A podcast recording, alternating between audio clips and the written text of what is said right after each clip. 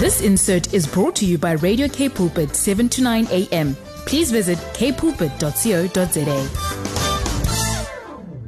10 en dit beteken ons gesels met Kurt Oliver. Weereens gaan kyk op ons Facebook bladsy. Jy is welkom om ons daar te gaan besoek en uh, te kan kyk na wat ons hierso in die ateljee bespreek. So jy kan dit net nie hoor nie, jy kan dit ook sien. Kurt Oliver is saam met ons elke week en uh, bring vir ons ehm um, bemoediging uit uh, die oogpunt van uh, van die koninkryk. En ek uh, ek sien uit na wat hy met ons gaan deel vandag. Kurt, welcome. Good morning. Good morning Dimitri. Good morning to all of our blessed listeners. so a lot has been happening in the world. I mean, just in the last 2 days. Yeah. Um, we're looking at world leaders that are um, stepping down. Uh, the assassination in, in J- Japan of the former prime minister just yesterday. Um, yeah, and still the, the conflict in Ukraine. So there's a lot of things happening uh, on the political front. Yeah. How do we look at the world through those Holy Spirit glasses? Yeah, no, it's not just it's not just uh, abroad, Dimitri. It's even back home. There's the shootings taking place in the U.S. Mm. Um, we've seen confrontation all over the place on social media. And you know, this week God God exposed something to me, Dimitri, and and you know, um, He exposed the spirit that is actually at work currently upon the earth. It's a spirit of rebellion mm-hmm. that is at work, and and you know, the assignment of the spirit is to cause havoc and destruction. It's trying to stop the move of God that is about to hit the earth. And with everything that is happening, we need to know, and I want to be, and I'm confident when I say this, to Dimitri, because in this time, God has been releasing such deep revelation, which means that the Word of God is still standing in its fullness. All these things happening is just trying to shift our focus. Mm. Just trying to shift our focus. And the Lord, and through His Spirit, actually showed me how we can overcome the spirit of rebellion. And I was blown away when the Holy Spirit started to open things up to me. But let us start with what is rebellion. Simply when we think of someone who behaves in an unacceptable way and does not do what they are told. That is when we look at, at rebellion, but there's actually characteristics of rebellion.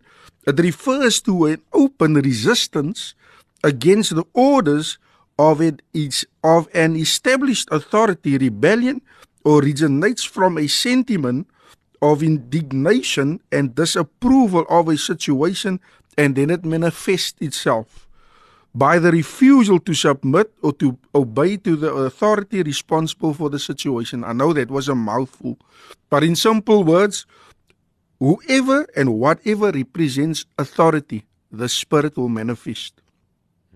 That is simple in simple words.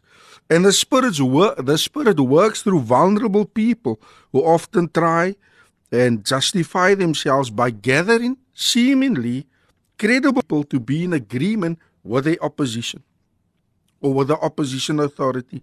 But if we can simply learn, just listen nicely to me this morning, listeners. If we can simply learn to embrace authority and lean on God's truth, we can overcome this. And I'm going to prove it to you through scripture this morning. And I was, like I said, I was blown away when the Lord opened this up to me through His Spirit. Matthew 26, verse 39 says that going a little farther, he fell with his face to the ground and prayed, My Father, if it is possible, may this cup be taken from me, yet not as I will, but as your will. What happened here, Dimitri? Jesus himself submitted to the will of God. He submitted to authority. And even when Jesus was arrested in the garden and he went on trial and he was hit and whipped, and even when he went to the cross, he submitted to the will of his Father. Matthew 27, verse 46 says that about three in the afternoon, Jesus cried out in a loud voice, Eli, Eli, lema sabachachni, meaning, my, my God, my God, why have you forsaken me? Just listen nicely to me this morning, Dimitri. So, if we study these scriptures, we will see there's a pattern that starts to develop. And I realized, Dimitri, that Jesus could have stopped all these things. He didn't have to go through all of this. But there's a pattern that starts to develop, and this is the pattern. Because of suffering, and in me and your life, and to some of our listeners, even here this morning, we need to go through suffering. We need to go through suffering so that we can get to a place of obedience. Hmm. We need to go through suffering. And I'm going to prove it. I'm going to prove it to you this morning that because of suffering, and while we're suffering, we start to learn certain things and realize certain things. And through that, our Father brings us to a place of obedience. I want to bring it home this this morning, Dimitri. I'm going to use my own life as as an example. If I didn't, if if I did not go through a life of using drugs or being lost or sinning or doing all the crazy things, if I did not go through all of that, and if I did not get to a place where I grew tired of that, where I said, Lord, I surrender. That was my suffering part. And because I went through that suffering to the point where I realized that I had enough, then my mindset shifted to a place where I now know that living a life of obedience will bring me to a place of blessing. Meaning that through my suffering and through my rebellion, I realized that the rebellion is going to get me nowhere. So I surrendered to God. I said, Father, forgive me. Come and live in my heart. And we all know as, as we do the, the, the salvation prayer. But the, the surrendering part is, is what is important. And today I understand that sin causes me to live a life of rebellion. Because to me, uh, or to be destructive, it gives the enemy legal right. It gives the enemy legal right to operate within our lives. And because there's a constant marker, which is knowing right from wrong, we choose to live a life striving towards obedience.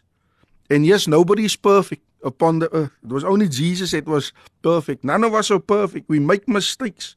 But always we are reminded through our suffering that we have learned not to live a life that is far from God, but to live a life that is close to God.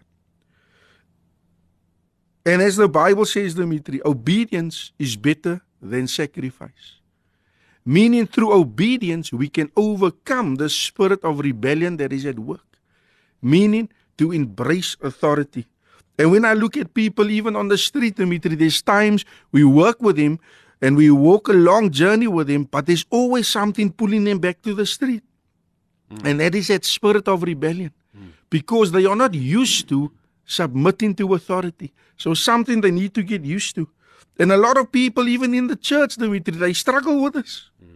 They struggle to submit. And I want to say something this morning that, you know, the Holy Spirit showed me a few weeks ago. We going all over the place. We saying, man of God, hi, man of God, how you, man of God? But what are we actually saying? Because by saying man of God is actually a position where man has placed that person. But the Lord then showed me through His Spirit if we can only turn it around and identify people as God's man, because then it is God that has called him, it is God that has set him apart. It is not man that has called him and placed him in that position, but it is God. And that is why I start calling people uh, man, God's man. You God's man, Dimitri. Pastor Stan is God's man because God has set you apart, not man. And I hope uh, somebody's catching this this morning. And even, uh, Dimitri, the Lord even showed me that we were created to worship God. What happened when Lucifer and his angels were cast out of out of heaven? They were the worshippers in heaven. So God created man for us to replace that worship. So we created to worship him, but not only that, but to be obedient as well. And if we can only learn to be obedient, Dimitri, to worship God and be obedient, God will do the rest for us. But I don't want to go. I can I can speak so long on this on this topic. I know we we we we cut for time, but I want to say that is what the Lord has laid upon my heart uh, this week regarding rebellion. And I want to encourage our listeners that we can overcome what we are currently going through. We can overcome it through obedience. Amen to that. Kurt, thank you so much. It all comes down to obedience. And obedience doesn't mean that you're perfect. Like Kurt has said, nobody's perfect. It becomes a practice Yeah. and it becomes a step by step um, uh, action that you need to do. So, there the challenges are out for you for the weekend and uh, for the way forward as we walk the straight line in faith uh, with the power of the Holy Spirit alongside us. Thank you for bringing that uh, home to us today. Thanks, Dimitri. Thank you to our listeners. Have a blessed weekend. We'll speak next week, God willing, again, and uh, yeah, we'll view um, as we always do on the Saturday. Thank you so much. This insert was brought to you by Radio K Pulpit, 7 to 9 a.m. Please visit kpulpit.co.za.